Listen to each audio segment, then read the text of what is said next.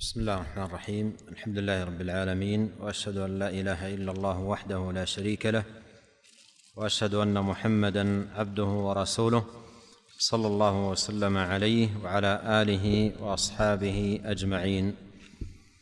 أما بعد نواصل القراءة في المنظومة الميمية في الوصايا والآداب العلمية للشيخ حافظ حكمي رحمه الله تعالى. نعم. بسم الله الرحمن الرحيم. الصلاة والسلام على نبينا محمد وعلى آله وصحبه أجمعين. قال الشيخ حافظ رحمه الله تعالى في الفرائض والآلة والتحذير من العلوم المبتدعة. وبالفرائض نصف العلم فعن كما أوصى الإله وخير الرسل كلهم. من فضلها أن تولى الله قسمتها. وبالفرائض وبالفرائض نصف العلم فعن كما نصفي وبالفرائض نصف العلم فعن كما أوصى الإله وخير الرسل كلهم. من فضلها أن تولى الله قسمتها ولم يكلها إلى عرب ولا عجم. يوصيكم الله ومن بعدها اتصلت وفي الكلالة أخرى فدن واغتنم. وخذ إذا شئت ما قد تستعين به من آلة تلفها حلا لمنبهم كالنحو والصرف والتجويد مع لغة يدرى بها حل ما يخفى من الكلم. نعم. قال الناظم رحمه الله تعالى فصل في الفرائض والآلة والتحذير من العلوم المبتدعة. لما أنهى رحمه الله تعالى الوصية بكتاب الله جل وعلا وسنة نبيه صلى الله عليه وسلم عقد رحمه الله تعالى هذا الفصل لبيان أو للحث على العناية بعلم الفرائض وعلوم الآلة وللتحذير من العلوم المبتدعة التي من تعلمها أفسدت علي عليه دنياه وأخراه. وبدأ اولا بالحث على تعلم علم الفرائض. فقال رحمه الله وبالفرائض نصف العلم فعن كما أو فعن كما أي اعتني. قوله وبالفرائض نصف العلم. اولا الفرائض. المراد به علم الفرائض. ويسمى أيضا علم المواريث. ويسمى كذلك علم التركات. وهو علم بأصول من فقه وحساب تعرف حق كل في التركة. وهو من علوم الفقه. ولا يخلو من ذكره كتاب فقهي. لكن لأهمية لأهميته ومكانته العظيمة أفرده عدد من أهل العلم بالتأليف. وقوله نصف العلم مبني على حديث يروى في ذلك عن رسول الله صلى الله عليه وسلم لكنه لا يصح. خرجه ابن ماجه والحاكم وغيرهما عن أبي هريرة رضي الله عنه قال قال رسول الله صلى الله عليه وسلم يا أبا هريرة تعلموا الفرائض وعلموها فإنه نصف العلم وهو ينسى وهو أول شيء ينزع من أمتي وفي سنده حفص بن عمر ابن أبي العطاف قال البخاري منكر الحديث وقال الحافظ في التلخيص الحبير متروك. وقوله رحمه الله تعالى فعن أي اعتني. أي اجعل هذا العلم محل عنايتك وموضع اهتمامك. كما أوصى الإله وخير الرسل كلهم أي بهذا العلم. ووصيه الله عز وجل به معلومة في كتابه سبحانه وتعالى ووصية النبي صلى الله عليه وسلم به أيضا معلومة في أحاديثه صلوات الله وسلامه وبركاته عليه. وقوله رحمه الله من فضلها وقوله رحمه الله من فضلها أي الفرائض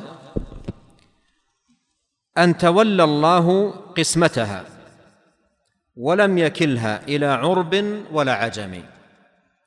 من فضل هذا العلم وشرفه ومكانته العظيمة أن رب العالمين جل وعز تولى بنفسه سبحانه قسمتها فأنزل في ذلك آيات تتلى في كتابه يأتي الإشارة إليها عند المصنف رحمه الله تعالى في البيت الذي يلي هذا البيت. قال ولم يكلها إلى عرب ولا عجم. لم يكل قسمة الفرائض إلى أحد من من الناس بل تولى ذلك جل وعلا بنفسه. يوصيكم الله من بعدها اتصلت. يوصيكم الله. من بعدها اتصلت. وفي الكلالة أخرى فادنوا واغتنمي. أو يوصيكم الله. ومن بعدها اتصلت. وفي الكلالة أخرى فادنوا واغتنمي. هنا في هذا البيت يشير رحمه الله إلى الآيات القرآنية التي ورد فيها قسمة الفرائض.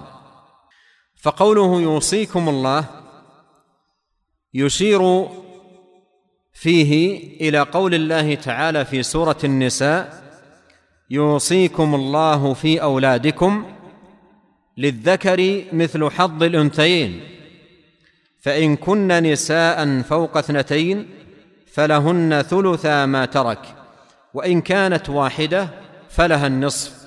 ولأبويه لكل واحد منهما السدس مما ترك إن كان له ولد.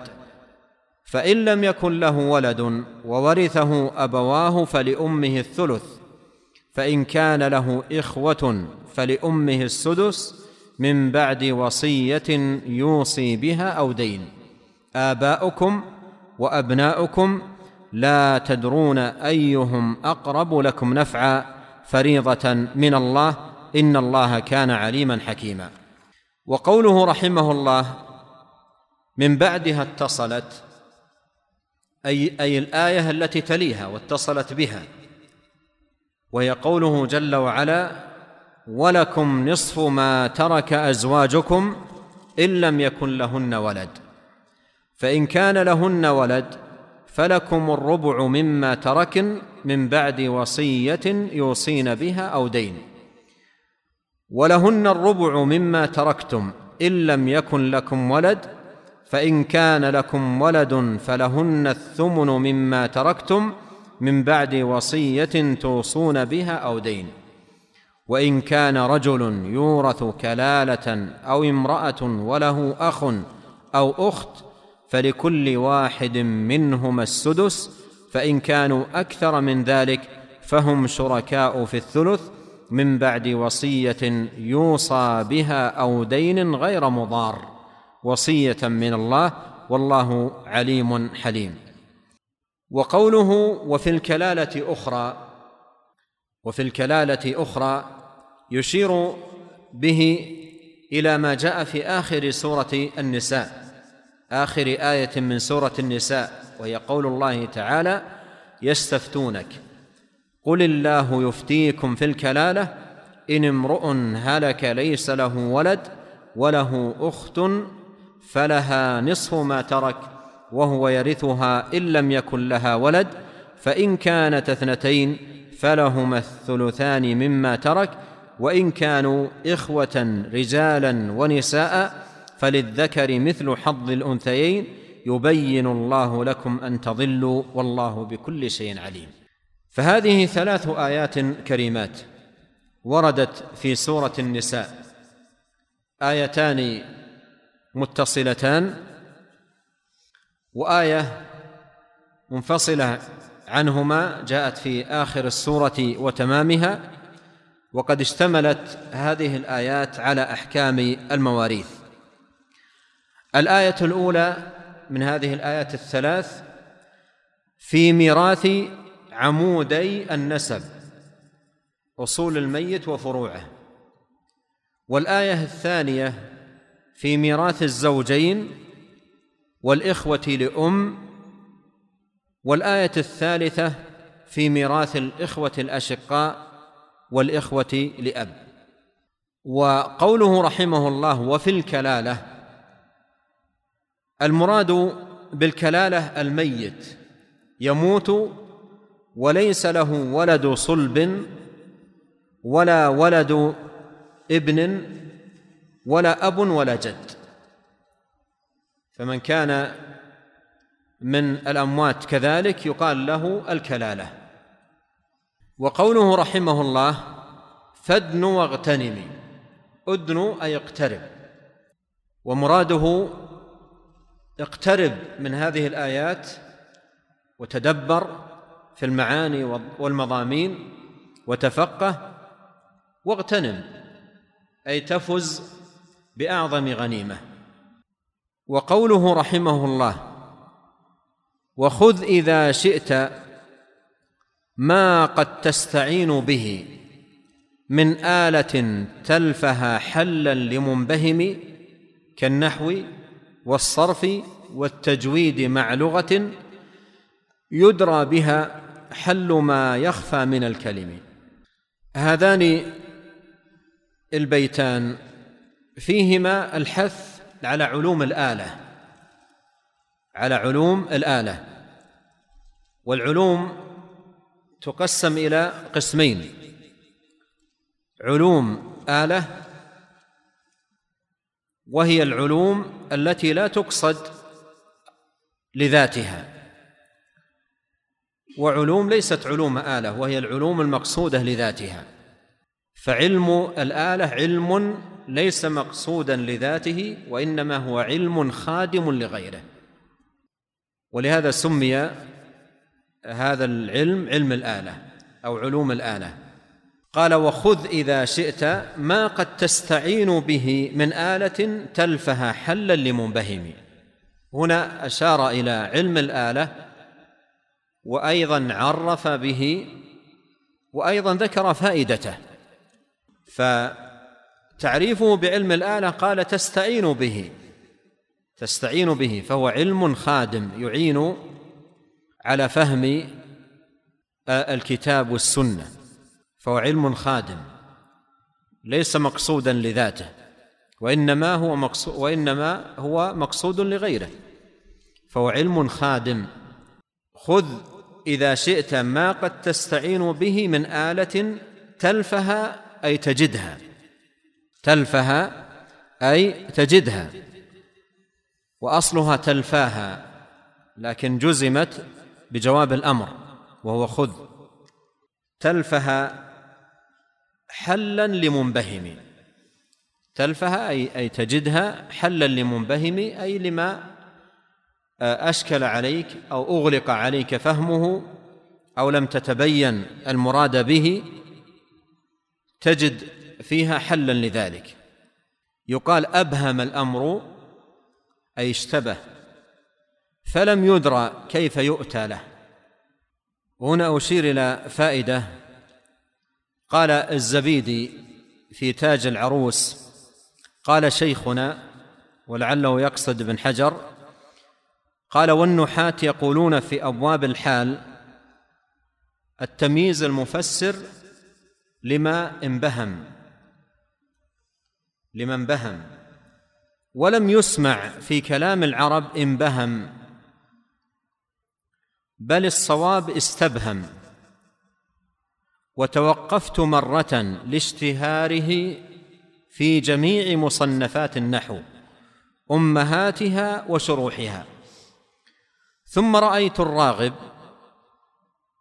تعرض له يعني قوله توقفت مرة أي في الجزم بأن هذا خطأ أن يقال إنباهم لاشتهاره في جميع مصنفات النحو أمهاتها وشروحها. قال ثم رأيت الراغب تعرض له ونقله عن شيخه العلامة أبي الحسن علي بن سمعان الغرناطي وقال إن انبهم غير مسموع وأن الصواب استبهم كما قلت.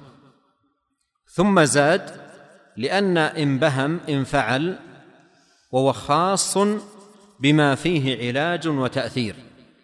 فلما رأيته حمدت الله لذلك وشكرته. انتهى. وقول الناظم رحمه الله كالنحو والصرف والتجويد. هذه ذكرها على سبيل المثال لا على سبيل الحصر. ذكرها على سبيل المثال لعلوم الآلة التي ينبغي على طالب العلم أن يعنى بها لأن فيها حلا لما استبهم عليه ولما أغلق عليه فهمه. قال كالنحو.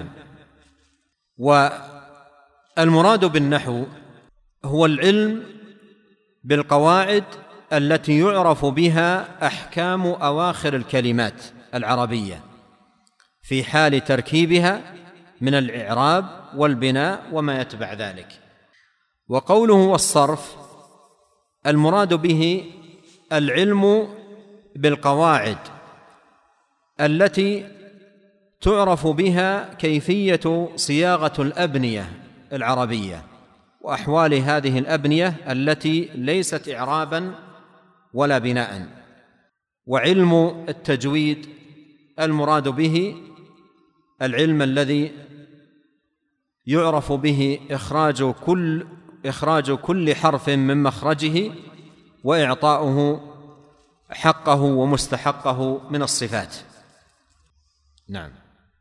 قال المصنف رحمه الله واحذر قوانين أرباب الكلام فما بها من العلم غير الشك والتهم. قاموس فلسفة مفتاح زندقة كم من ملم به قد باء بالندم. راموا بها عزل حكم الله واقترحوا للحق ردا وإنقاذا لحكمهم. يروك أن تزن الوحيين مجترئا عليهما بعقول المغفل العجم. وأن تحكمها في كل مشتجر إذ ليس في الوحي من حكم لمحتكم. أما الكتاب فحرف عن مواضعه إذ ليس يعجزك التحريف للكلم. كذا الأحاديث آحاد وليس بها برهان حق ولا فصل لمختصم. وقد أبى الله إلا نصر ما خذلوا وكسر ما نصروا منهم على رغم. نعم. ثم عقد رحمه الله تعالى أو نظم هذه الأبيات في التحذير من علم الكلام الباطل وقوانين المتكلمين الفاسدة. فقال واحذر قوانين أرباب الكلام. احذر أي كن على حذر يا طالب العلم. قوانين أرباب الكلام. والمراد بقوانين أرباب الكلام أي القواعد التي وضعها علماء الكلام لتحريف كلام الله وكلام رسوله صلى الله عليه وسلم ورد ما يخالف أهواءهم مما جاء في كتاب الله وسنة نبيه صلوات الله وسلامه عليه. والمراد بأرباب الكلام أي علماء الكلام المشتغلين بهذا العلم الباطل.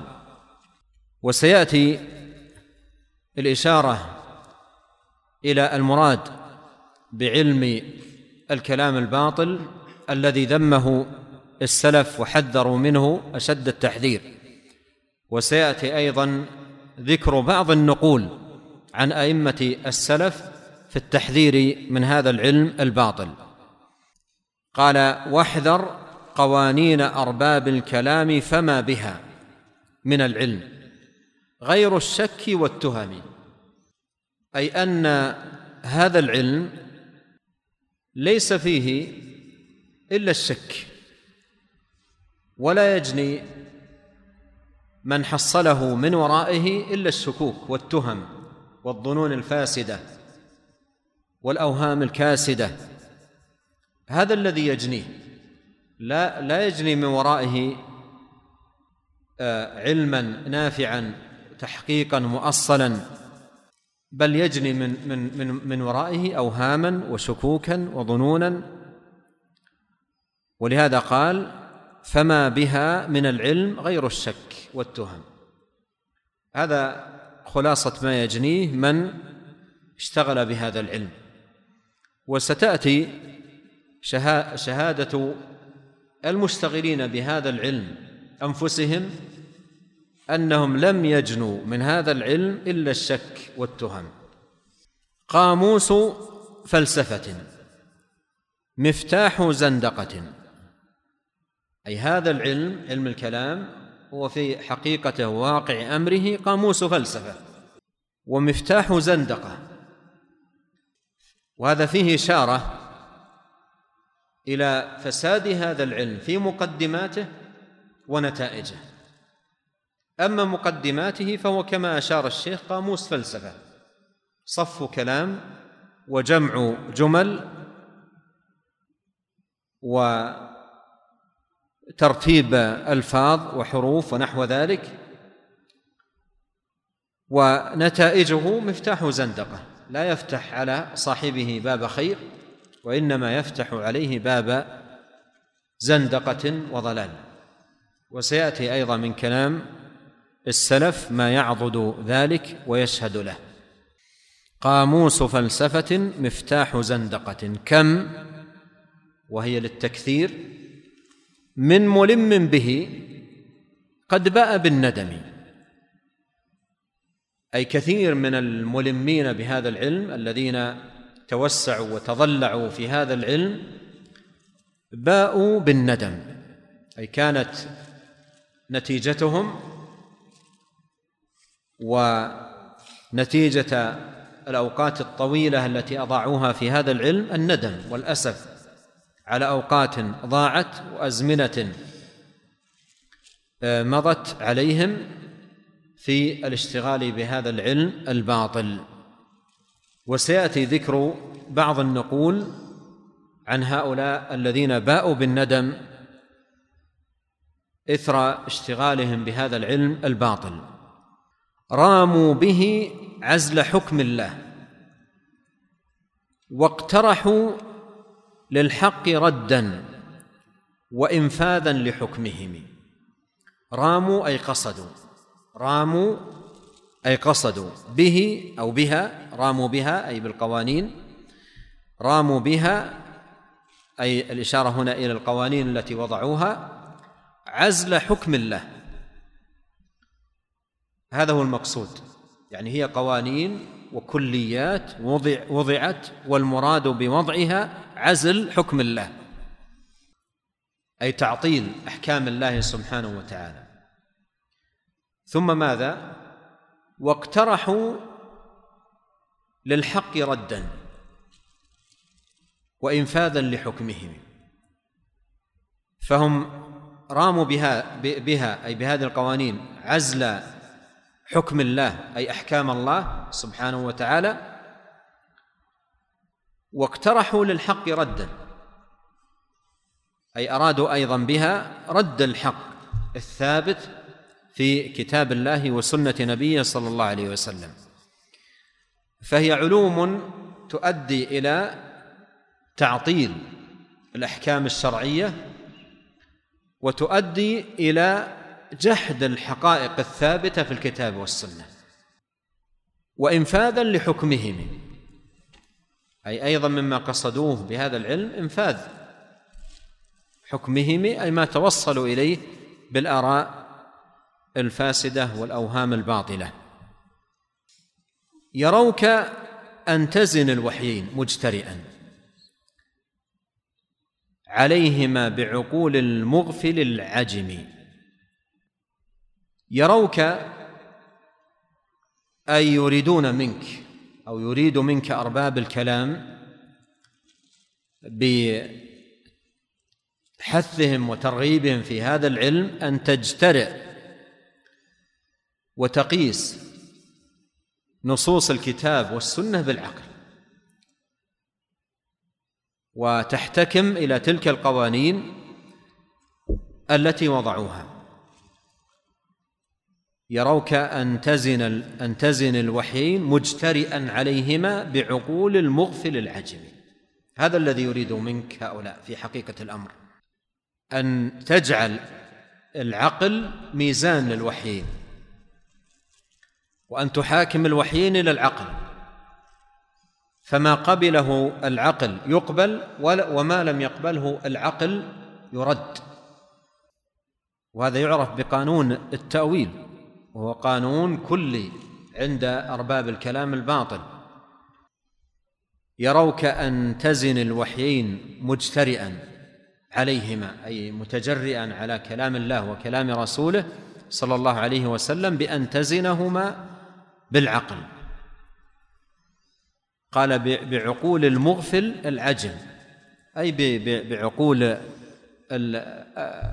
العقول المغفلة المليئة بالغفلة والجهل والضلال وقوله العجم لأن أكثر هؤلاء من الأعاجم. وفي مقدمتهم الجهم بن صفوان وأضرابه ومن كانوا على شاكلته. وأن تحكمها في كل مشتجر. يروك أي يريدون منك أن تزن الوحيين وأيضا يريدون منك أن تحكمها أي تلك القوانين في كل مشتجر قوله في كل مشتجر أي في كل نزاع وخلاف وخصومة جاء في لسان العرب واشتجر القوم وتشاجروا أي تنازعوا. والمشاجرة المنازعة. وفي التنزيل العزيز فلا وربك لا يؤمنون حتى يحكموك فيما شجر بينهم. أي فيما وقع بينهم من اختلاف وخصومات. قال إذ ليس في الوحي من حكم لمحتكم. هذا كلام هؤلاء. يريدون منك أن تحتكم إلى قوانينهم لأنه بزعمهم ليس في الوحي من حكم لمحتكم. اذا أين الحكم للمحتكم؟ إذا أراد الناس الاحتكام أين يجدون ما به؟ تحل الإشكالات وتفصل الخصومات. أين يجدون ذلك؟ على فهم هؤلاء؟ في علم الكلام الباطل. إذ ليس في الوحي من حكم لمحتكم. فهو بهذا رحمه الله يبين حال هؤلاء الشنيعة وتقريراته وتقريراتهم الباطلة الفاسدة. أما الكتاب هذه مقالة هؤلاء أما الكتاب فحرف عن مواضعه. إذ ليس يعجزك التحريف للكلم. هذه وصية هؤلاء. يقولون بالنسبة للكتاب أي بالنسبة للقرآن الكريم عليك بالتحريف. عليك بالتحريف. أي آية تخالف العقل؟ قل الظاهر ليس مراد وإنما المراد كذا وكذا مما يتوصل إليه هؤلاء بالأهواء الباطلة. يقول إذ ليس يعجزك التحريف للكلم. يعني ليس أمرا معضلا ولا صعبا. فهو أمر آه ليس بالصعب أمر ممكن. إذ ليس يعجزك التحريف للكلم. هذه الآن وصيتهم بالنسبة للقرآن الكريم. ولهم وصية أخرى بالنسبة للسنة. ما هي؟ قال كذا الأحاديث آحاد وليس بها برهان حق ولا فصل لمختصم أحاديث الأحاد الأحاديث. قرآن بالتحريف. والأحاديث كيف تصنع بها؟ قال تقول هي أخبار آحاد وأخبار الآحاد لا تقبل في الاعتقاد. والقول بأن أخبار الآحاد لا تقبل في الاعتقاد مقالة لم تعرف إلا عن المعتزلة. وأي كتاب وجدت فيه هذه المقالة فهو متأثر بمقالة المعتزلة. كذا الأحاديث آحاد وليس بها برهان حق ولا فصل لمختصم. إذن هاتان وصيتان لأرباب الكلام فيما يتعلق بالكتاب والسنة.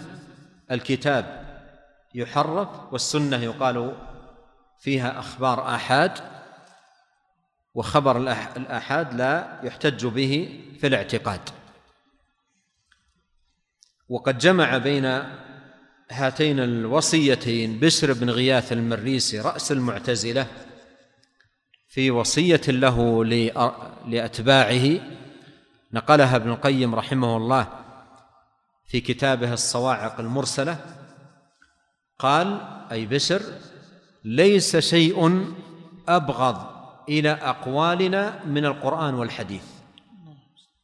فقابلوا نصوص القرآن بالتحريف. وقابلوا نصوص السنة بالتكذيب. قابلوا نصوص القرآن بالتحريف. وقابلوا نصوص السنة بالتكذيب يقولوا هي خبر آحاد وخبر الآحاد لا يحتج به في الاعتقاد. هذه مقالة هؤلاء. هذه مقالة هؤلاء. قال رحمه الله وقد أبى الله إلا نصر ما خذلوا. وكسر ما نصروا منهم على رغم. أبى الله إلا أن يتم نوره. أبى الله إلا نصر ما خذلوا. خذلوا هم ماذا؟ الكتاب والسنة. فأبى الله عز وجل النصر آه، إلا لكتابه وسنة نبيه صلى الله عليه وسلم. هو الذي أرسل رسوله بالهدى ودين الحق ليظهره. على الدين كله. إلا نصر ما خذلوا وكسر ما نصروا. كسر أي إبطال وإزهاق ما نصروا من الآراء الفاسدة والأوهام الكاسدة والظنون الباطلة والعقائد المنحرفة. أبى الله عز وجل إلا كسر ذلك. وكسر ما نصروا منهم على رغم أي على الرغم منهم. أي على الرغم منهم. فأبى الله سبحانه وتعالى إلا ذلك. هذه الأبيات كما عرفنا جاءت في سياق ذم علم الكلام وإبطال ما عليه المتكلمون والتحذير منه وبيان مقاصد هؤلاء بهذا العلم الفاسد الباطل.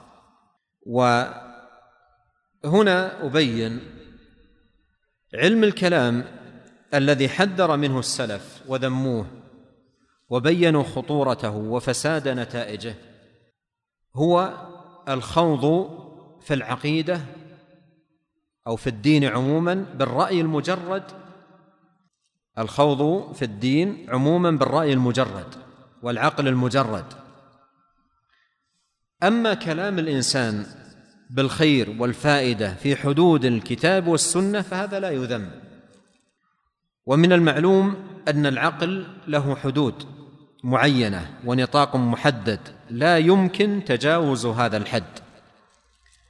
وإذا جاوز هذا الحد وقع في الضلال.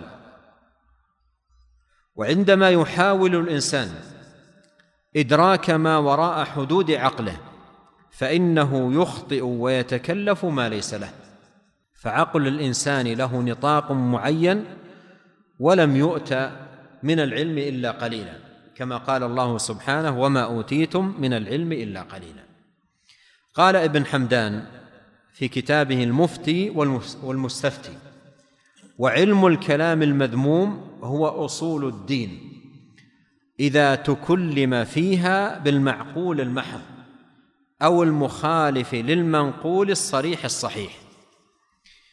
وقال شيخ الإسلام ابن تيمية رحمه الله والسلف إذا ذموا أهل الكلام وقالوا علماء الكلام زنادقة وما ارتدى أحد بالكلام فأفلح فلم يريدوا به مطلق الكلام وإنما هو حقيقة عرفية في من يتكلم في الدين بغير طريقة المرسلين. فمراد السلف بالكلام المذموم هو كلام الجهمية الذين نفوا به الصفات وزعموا أنهم يثبتون به حدوث العالم وهي طريقة الأعراض. وذكر شيخ الإسلام بن تيمية هنا للجهمية ليس لكون هذا الأمر مختصا بهم. وإنما لكون هؤلاء أبرز من اشتهر بهذا العلم الباطل. ومن الوجوه التي يعلم بها فساد علم الكلام وبطلانه اولا أنه قول على الله بغير علم ومن أعظم المحرمات القول على الله بلا علم. الثاني أن فيه تحريفا لكلام الله وكلام رسوله صلى الله عليه وسلم وتكذيبا لهما. الثالث أنه ليس من الدين ولو كان من الدين لبينه الرسول الكريم صلى الله عليه وسلم. الرابع اشتماله على الباطل في مقدماته ونتائجه. الخامس اشتماله على العقائد الباطلة والآراء المنحرفة والشكوك والظنون. وفيما يلي أسوق بعض النقول عن بعض علماء السلف رحمهم الله في ذم علم الكلام. سئل الإمام أبو حنيفة رحمه الله عما يقول الناس من الأعراض والأجسام فقال مقالات الفلاسفة. وقال عليك بالأثر وطريقة السلف وإياك وكل محدثة فإنها بدعة. وقال أيضا أتانا من خرسان ضيفان كلاهما ضالان الجهمية والمشبهة. وقال أبو يوسف رحمه الله العلم بالكلام جهل والجهل بالكلام علم. وقال أيضا رحمه الله من طلب العلم بالكلام تزندق. وقال الإمام مالك رحمه الله الكلام في الدين كله أكرهه ولم يزل أهل بلدنا يكرهونه. ومراده الكلام بالدين أي بغير طريقة المرسلين. وقال الإمام الشافعي رحمه الله حكمي في أهل الكلام أن يضربوا بالجريد والنعال ويطاف ويطاف بهم في الأسواق ويقال هذا جزاء من ترك الكتاب والسنة وأقبل على الكلام. وقال أيضا ما جهل الناس ولا اختلفوا إلا لتركهم لسان العرب وميلهم إلى لسان أرسطاليس. وقال أيضا لقد اطلعت من أهل الكلام على شيء ما كنت أظنه ولان يبتلى العبد بكل ذنب ما خلا الشرك بالله خير له من أن يبتلى بالكلام. وقال الإمام أحمد رحمه الله علماء الكلام زنادقة وما ارتدى أحد بالكلام فأفلح. قال الإمام ابن عبد البر رحمه الله أجمع أهل الفقه والآثار من جميع أهل الأمصار أن أهل الكلام أهل بدع وزيغ ولا يعدون عند الجميع في طبقات العلماء. وإنما العلماء أهل الأثر والمتفقهة فيه. وقول الناظم رحمه الله فيما سبق فما بها من العلم غير الشك والتهم. وعدت هناك بنقل بعض الشواهد عن أرباب علم الكلام. وما آلوا إليه في آخر المطاف. من الشك وشهادتهم على أنفسهم بأنهم لم يبوء إلا بالخيبة والشك. ومن ذلكم قول الرازي نهاية إقدام العقول عقال وغاية سعي العالمين ضلال. وأرواحنا في وحشة من جسومنا وحاصل دنيانا أذى ووبال ولم نستفد من بحثنا طول عمرنا سوى أن جمعنا فيه قيل وقالوا فكم قد رأينا من رجال ودولة فبادوا جميعا مسرعين وزالوا وكم من جبال قد علت شرفاتها رجال فزالوا والجبال جبال.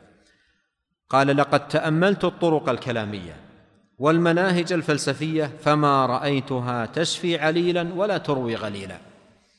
ورأيت أقرب الطرق طريقة القرآن. ثم قال ومن جرب مثل تجربتي عرف مثل معرفتي.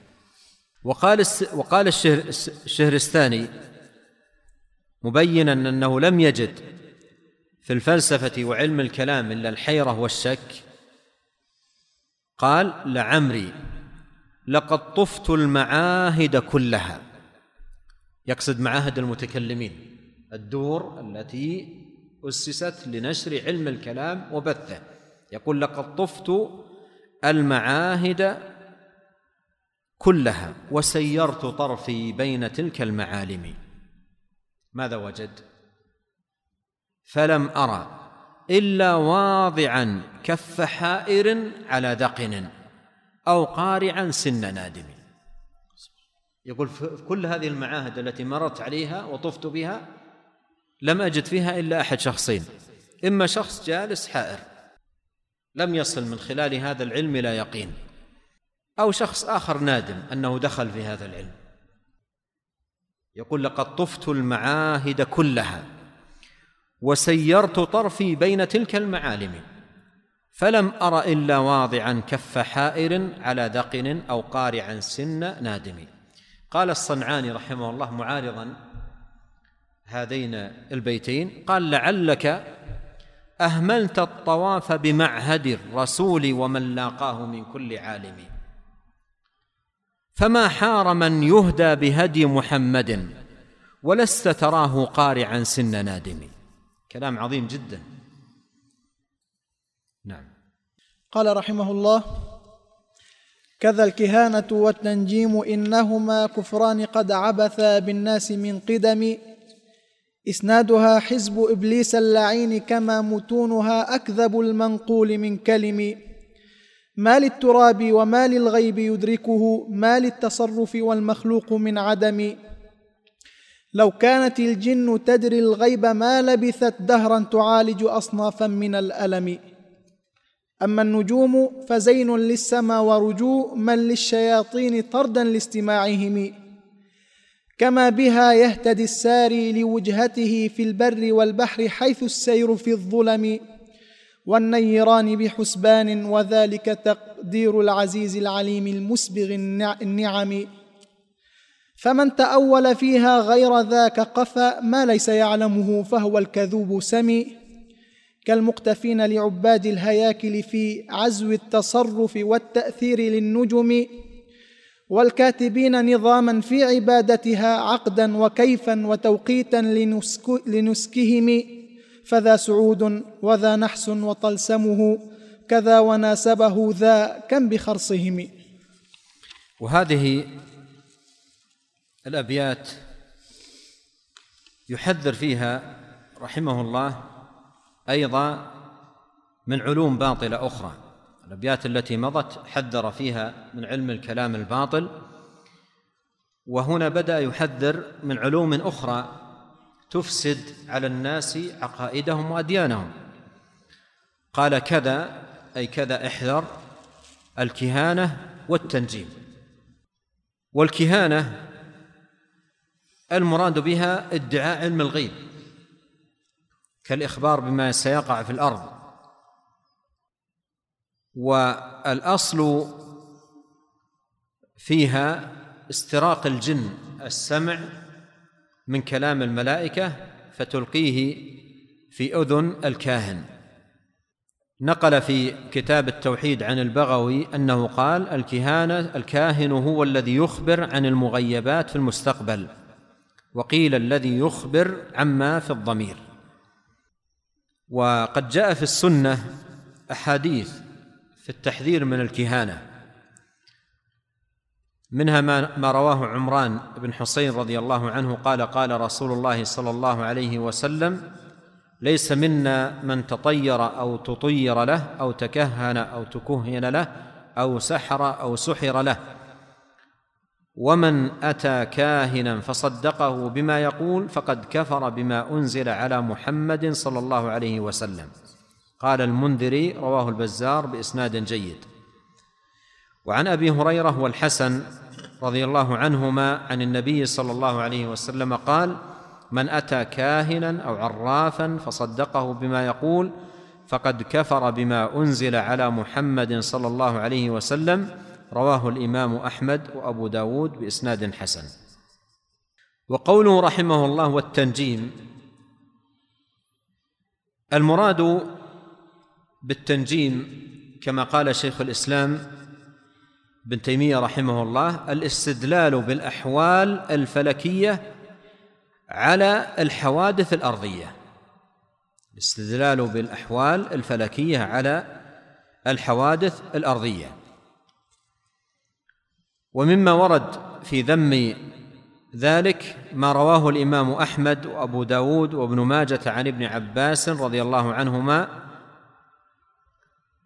أن النبي صلى الله عليه وسلم قال من اقتبس علما من النجوم اقتبس شعبة من السحر زاد ما زاد.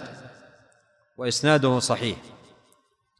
ومعنى قوله زاد ما زاد أي كلما زاد في علم التنجيم زاد وقوعا في السحر والباطل.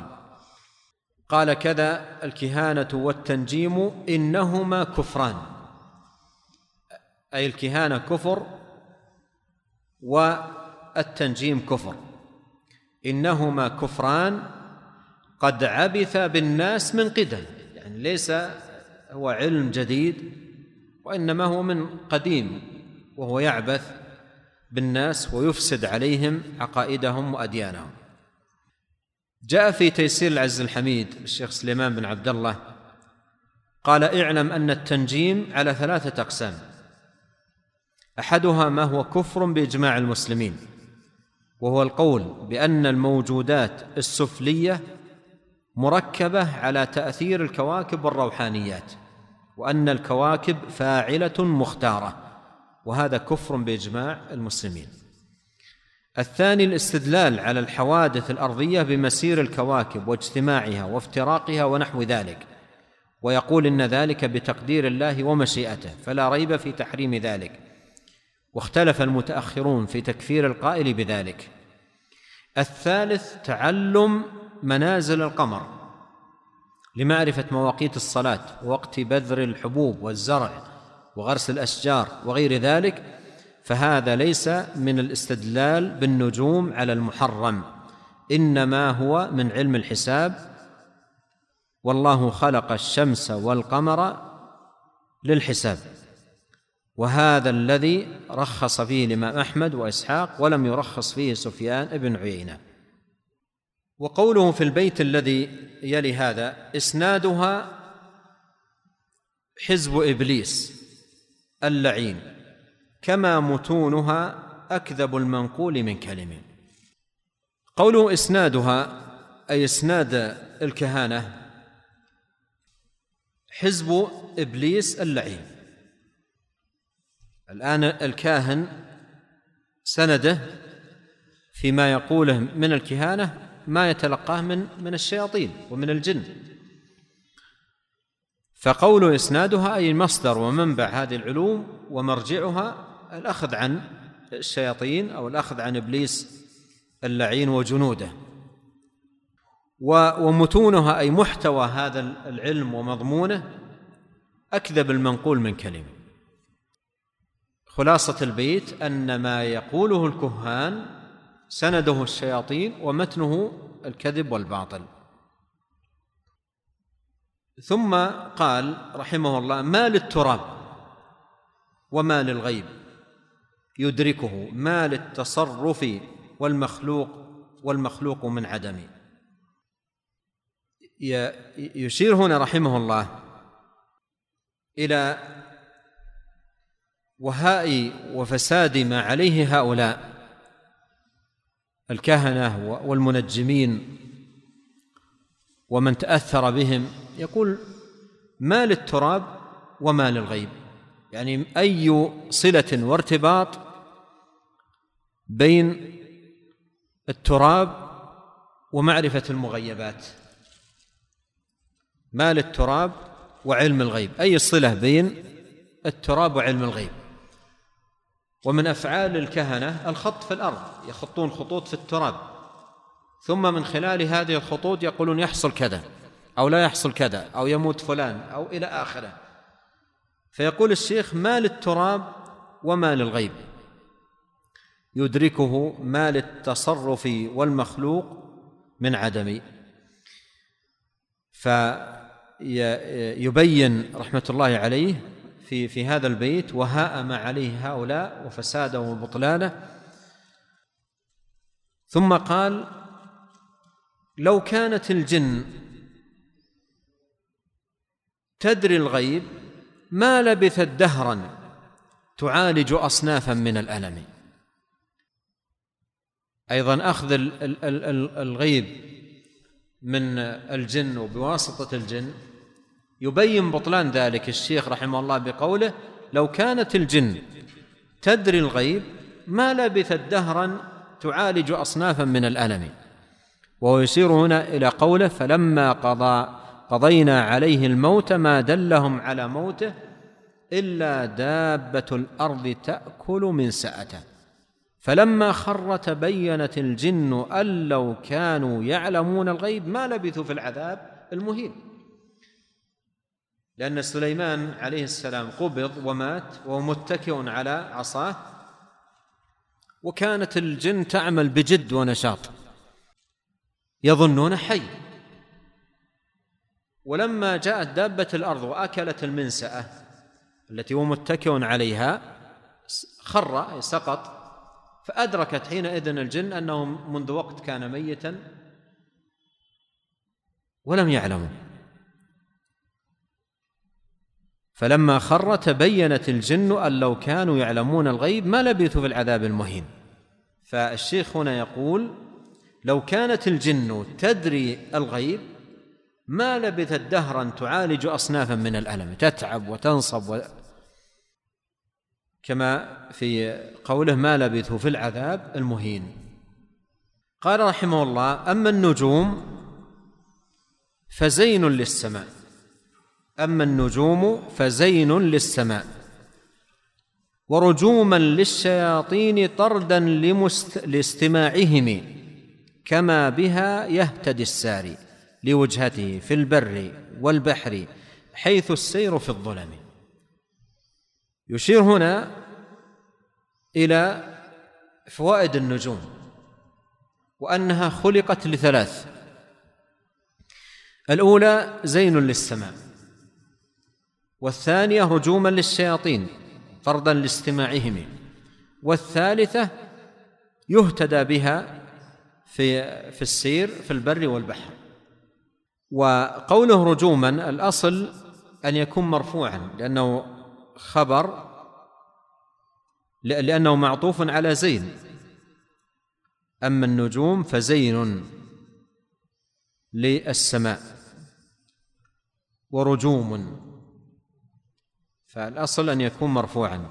لكن لعل الناظم ذكره على سبيل الحكاية والاقتباس من القرآن.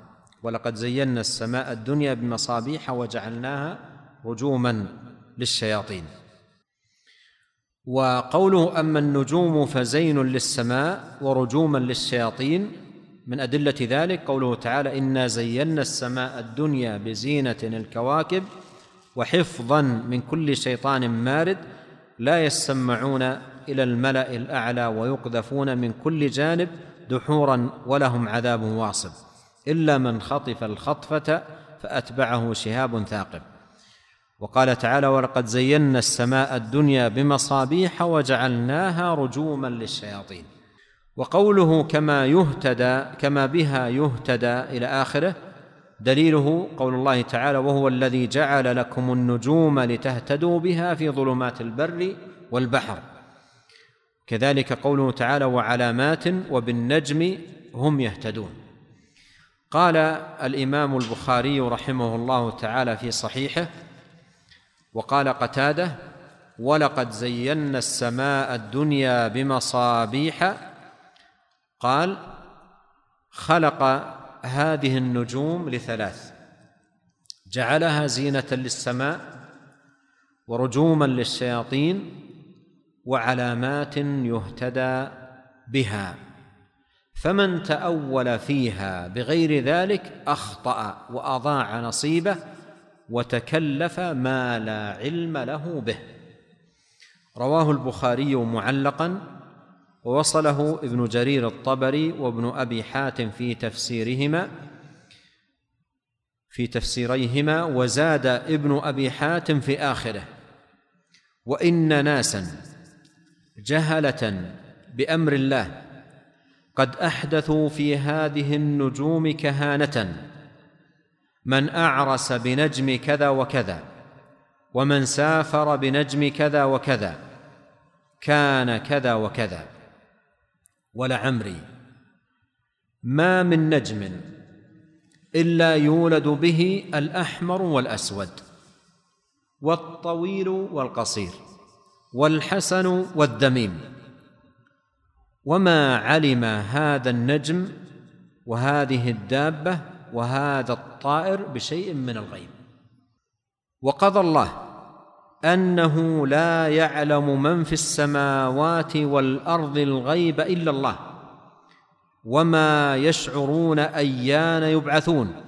ولعمري لو ان احدا علم الغيب لعلمه آدم الذي خلقه الله بيده وأسجد له ملائكته وعلمه أسماء كل شيء وأسكنه الجنة يأكل فيها رغدا حيث شاء ونهي عن شجرة واحدة. فلم يزل به البلاء حتى وقع بما نهي عنه ولو كان يعلم الغيب ولو كان يعلم الغيب لعلمته الجن حين مات نبي الله سليمان صلى الله عليه وسلم فلبثت تعمل له حولا في أشد الهوان. لبثت تعمل له حولا في أشد الهوان. لا يشعرون بموته. ما دلهم على موته إلا دابة الأرض. انتهى. وقوله رحمه الله والنيران بحسبان وذلك تقدير العزيز العليم المسبغ النعم. يعني الشمس والقمر وهو من باب التغليب لأن الذي يوصف بالنور هو القمر.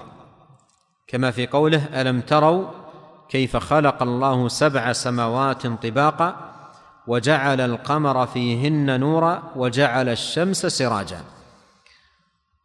وفي قوله تعالى تبارك الذي جعل في السماء بروجا وجعل فيها سراجا وقمرا منيرا. ويقال لهما أيضا القمران.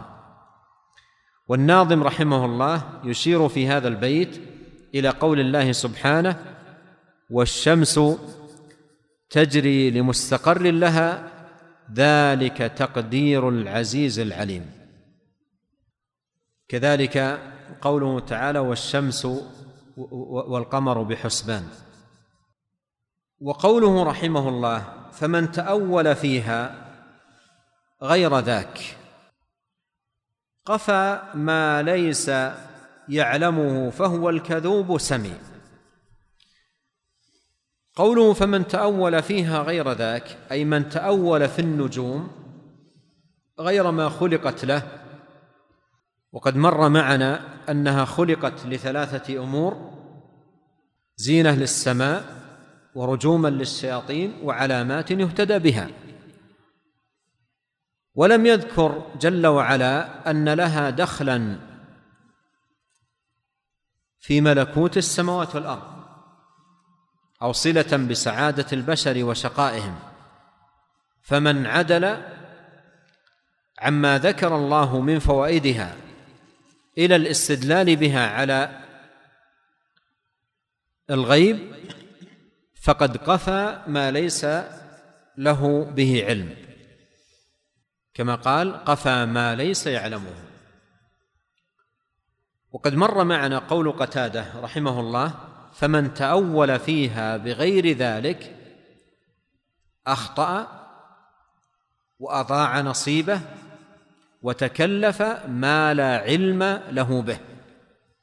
قال الشيخ سليمان بن عبد الله في تيسير العز الحميد أخطأ أي حيث تكلم رجما بالغيب وأضاع نصيبه أي حظه من عمره لأنه اشتغل بما لا فائدة فيه بل هو مضرة محضة.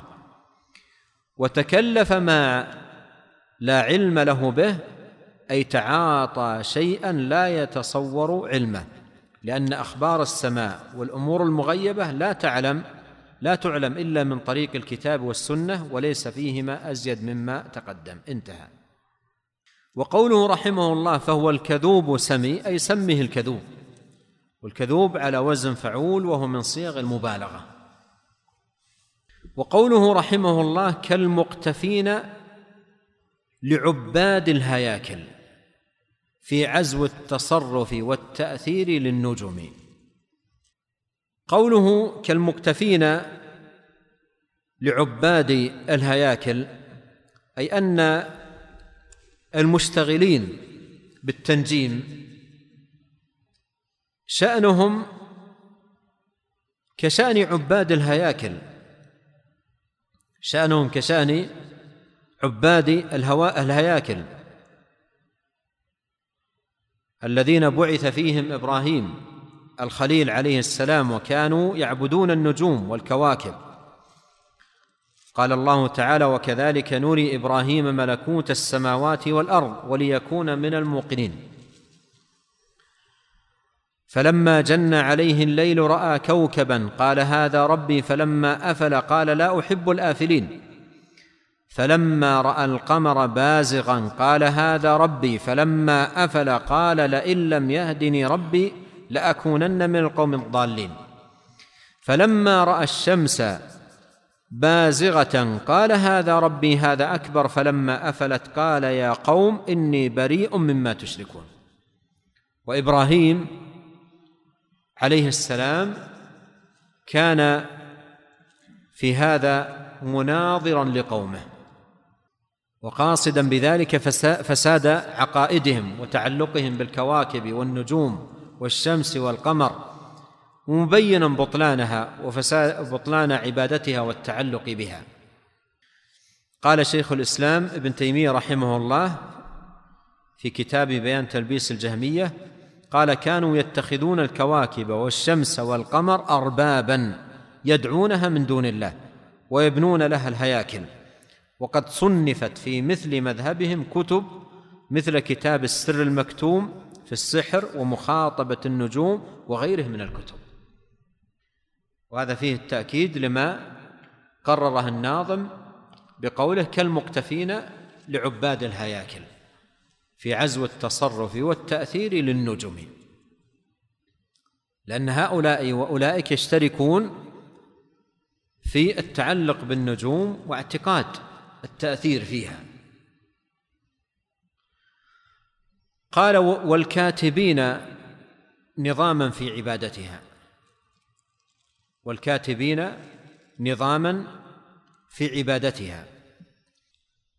عقدا وكيفا وتوقيتا لنسكهم لنسكهم. قوله والكاتبين نظاما في عبادتها معطوف كالمقتفين. معطوف على قوله كالمقتفين لعباد الهياكل. لعباد الهي... لعباد الهياكل والكاتبين نظاما في عبادته. معطوف على قوله لعباد الهياكل. يعني المقتفين لعباد الهياكل وللكاتبين نظما في عبادتها أي النجوم. عقدا وكيفا وتوقيتا لنسكه لنسكهم. قوله عقدا العقد بمعنى العهد والبيعة المعقودة. والمعنى أن هؤلاء المنجمين وضعوا كتبا قرروا فيها نظما وقواعد تعاهدوا عليها في طريقة عبادتهم لهذه النجوم من حيث الكيف والتوقيت. ويسمونها علوما ومعارف وهي من أبطل الباطل. وقد جاء عن ابن عباس رضي الله عنهما أنه قال في أناس يكتبون أبا جاد وينظرون في النجوم قال ما أرى من فعل ذلك له عند الله من خلاق. رواه ابن وهب في جامعه وعبد الرزاق في مصنفه بإسناد صحيح. وقوله رحمه الله فذا سعود وذا نحس وطلسمه كذا وناسبه ذا كم بخرصهم. يعني هذه آه الأمور التي يتوصلون إليها بزعمهم في النظر في النجوم تعلق بها بزعمهم أنهم يصلون إلى معرفة السعود والنحوس ونحو ذلك. قال ذا سعود سعود من سعد سعدا وسعودا والسعادة خلاف الشقاوة. وقول وذا نحس النحس الأمر المظلم وضد السعد. وقد نحس ونحس كفرح وكرم فهو نحس وهو ضد السعد. يقولون فذا سعود وذا نحس وطلسمه كذا. طلسم واحد طلاسم. طلسم واحد طلاسم. ولم يذكره صاحب القاموس واستدركه صاحب تاج العروس فقال ومما يستدرك عليه طلسم الرجل كره وجهه وقطبه. وكذلك طلمس وطرمس كما في اللسان. وطلسم الرجل أطرق مثل طرسم نقله الجوهري في طرسم استطرادا وأهمله هنا. والطلسم كسبطر وشدد شيخنا اللام وقال إنه أعجمي وعندي أنه عربي اسم للسر المكتوم وقد كثر استعمال الصوفية في كلامهم. فيقولون سر مطلسم وحجاب مطلسم وذا مطلسم والجمع طلاسم. الشاهد أن المراد بالطلسم الأمور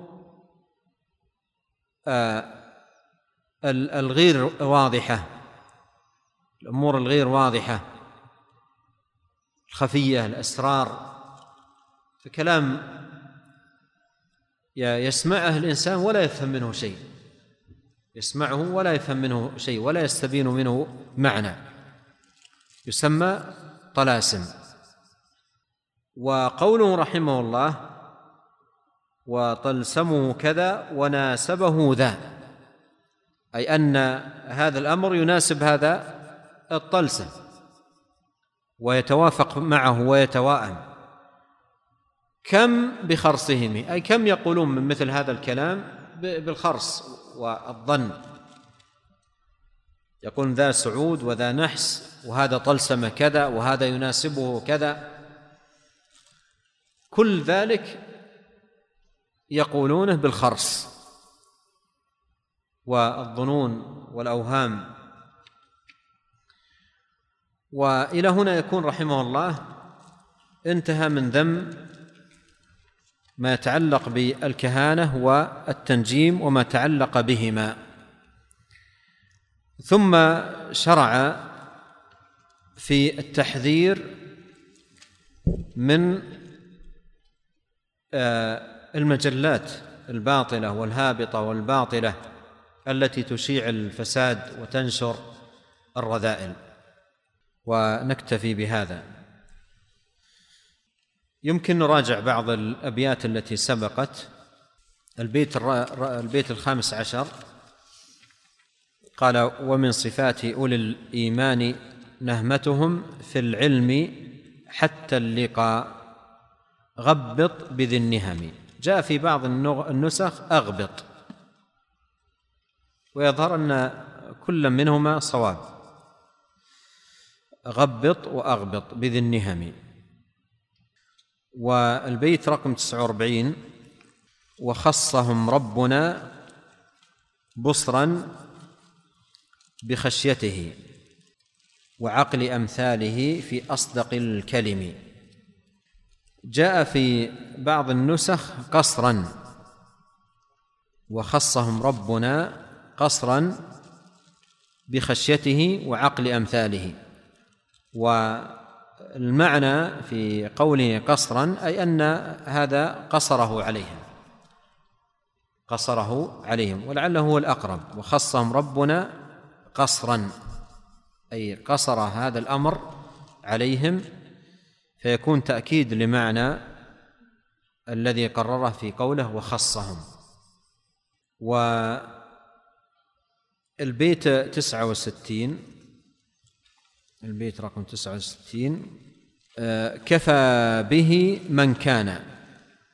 كفى به من كان. الصواب كما جاء في بعض النسخ كفى بمن كان بدون الهاء.